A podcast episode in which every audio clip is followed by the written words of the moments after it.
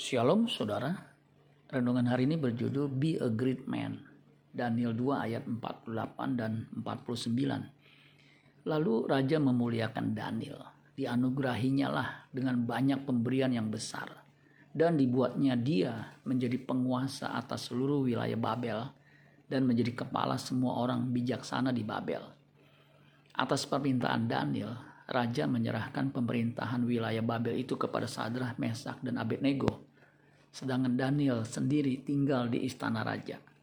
Terjemahan King James mengatakan begini, Then the king made Daniel a great man and give him many great gifts and made him ruler over the, the whole province of Babylon and chief of the governors over all the wise men of Babylon. Then Daniel requested of the king and he set Sadrach, Meshach, and Abednego over the affair of the province of Babylon, but Daniel sat in the gate of the king. Daniel menjadi orang besar, a great man. So, siapa yang membuat Daniel menjadi orang besar? Raja Nebukadnezar lah yang menjadikan Daniel menjadi seorang besar, great man, dengan memberi kedudukan yang tinggi di kerajaannya. Bahkan Raja Nebukadnezar sampai bersujud di hadapan Daniel. Daniel 2 ayat 46 dan 47. Lalu sujudlah Raja Nebukadnezar serta menyembah Daniel. Juga dititahkannya mempersembahkan korban dan bau-bauan kepadanya. Berkatalah raja kepada Daniel, sesungguhnya lah Allahmu itu Allah yang mengatasi segala Allah dan yang maha dan yang berkuasa atas segala raja dan yang menyingkapkan rahasia-rahasia sebab engkau telah dapat menyingkapkan rahasia itu. Daniel yang penuh hikmat bisa menying, menyingkapkan mimpi Raja Nebukadnezar. Daniel 2 ayat 26 sampai 30. Bertanyalah raja kepada Daniel yang namanya Bersasar. Sanggupkah engkau memberitahukan kepadaku mimpi yang telah kulihat itu dengan maknanya juga? Daniel menjawab katanya kepada raja. Rahasia yang ditanyakan tuanku raja tidaklah dapat diberitahukan kepada raja oleh orang bijaksana, ahli jampi, orang berilmu atau ahli nujum.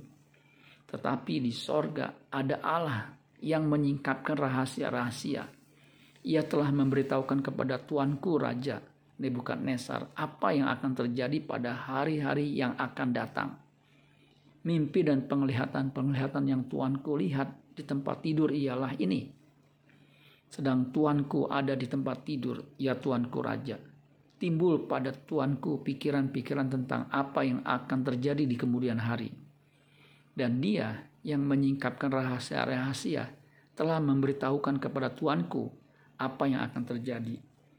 Adapun aku, kepadaku telah disingkapkan rahasia itu, bukan karena hikmat yang mungkin ada padaku melebihi hikmat semua orang yang hidup, tetapi supaya maknanya diberitahukan kepada tuanku raja dan supaya tuanku mengenal pikiran-pikiran tuanku. Daniel seorang yang takut akan Allah.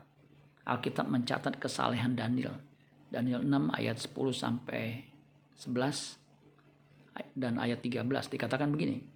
Demi didengar Daniel bahwa surat perintah itu telah dibuat, pergilah ia ke rumahnya dalam kamar atasnya ada tingkap-tingkap yang terbuka ke arah Yerusalem. Tiga kali sehari ia berlutut, berdoa, serta memuji Allahnya seperti yang biasa dilakukannya. Lalu orang-orang itu bergegas-gegas masuk dan mendapati Daniel sedang berdoa dan bermohon kepada Allahnya. Lalu kata mereka kepada raja, Daniel, salah seorang buangan dari Yehuda, tidak mengindahkan tuanku ya raja dan tidak mengindahkan larangan yang tuanku keluarkan. Tetapi tiga kali sehari ia mengucapkan doanya. Ingat apa yang dikatakan Amsal, Amsal 9 ayat 10. Permulaan hikmat adalah takut akan Tuhan dan mengenal yang maha kudus adalah pengertian. Jadi sesungguhnya Allah sendiri yang membuat Daniel menjadi orang besar dan respon Daniel yang mencari Tuhan dengan serius. Amin buat firman Tuhan. Tuhan Yesus memberkati. Sola Gracia.